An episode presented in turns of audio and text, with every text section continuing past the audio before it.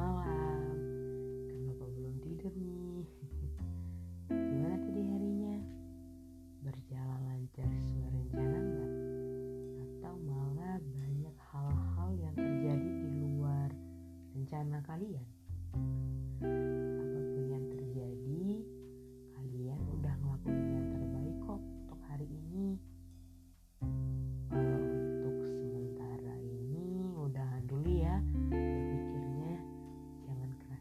sama diri sendiri